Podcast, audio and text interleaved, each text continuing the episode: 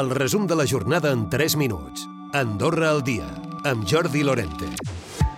La inflació i el conseqüent increment dels costos ha reduït els marges de benefici de 5 de cada 10 empreses i ha posat en risc la viabilitat del 9% dels negocis. És la principal constatació de l'informe del segon semestre de la Cambra de Comerç. Destaca, això sí, els bons resultats del 2022 i preveu un alentiment de l'activitat econòmica durant aquest 2023. Per sectors, és evident el turisme és el que té millors perspectives. En parlaven en la presentació d'aquestes dades la directora adjunta de la cambra i el president de l'ENS, Sol Rossell i Josep Maria Mas. Nosaltres ara per ara no ho preveiem, bàsicament pel tema sector que hem anat comentant també, que, que és el motor, que és el tema del turisme. El turisme seguirà sent una mica el motor de cara a aquest 2023.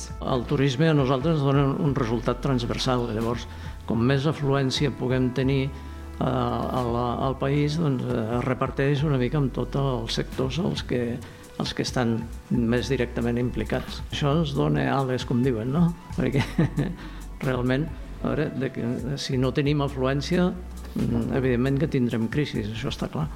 L'IPC se situa un punt percentual per sota del mes de març, en concret en el 5,4. Es confirma, doncs, la dada avançada de la inflació de l'abril, on l'abaratiment d'alguns aliments i els carburants en comparació fa un any han provocat que l'augment dels preus es moderi. El Consell de Ministres preveu aprovar dimecres que ve l'esborrany de l'acord d'associació amb la Unió Europea per fer-lo arribar a les forces polítiques.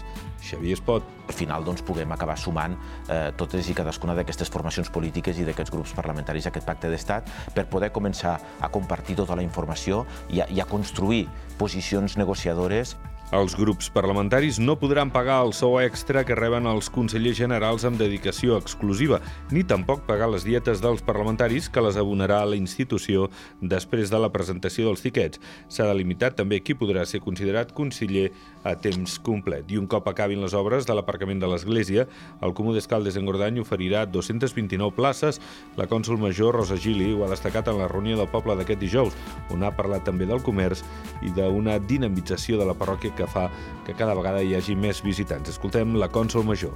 Bueno, eh, el que veiem és que mm, hi ha molta obertura nova de comerç, també hi ha baixes, evidentment, però més aviat veiem una, una, bueno, que és, cada cop n'hi ha més, alguns són de carrer, d'altres són més en pisos, un altre tipus de comerç, però en tot cas moviment hi ha, veiem que Escaldes és una parròquia atractiva en aquest sentit, bueno, aquests últims temps hi han hagut visitants, l'activitat econòmica ha sigut bona, la inspectora de l'Agència de Protecció de Dades, que estava de baixa, ha renunciat finalment al càrrec. Ho fa per una invalidesa temporal que la CAS li ha acreditat. Ara, els grups parlamentaris hauran de proposar una nova persona per al càrrec que hauria de desencallar el volum de feina. Recupera el resum de la jornada cada dia a AndorraDifusió.d i a les plataformes de podcast.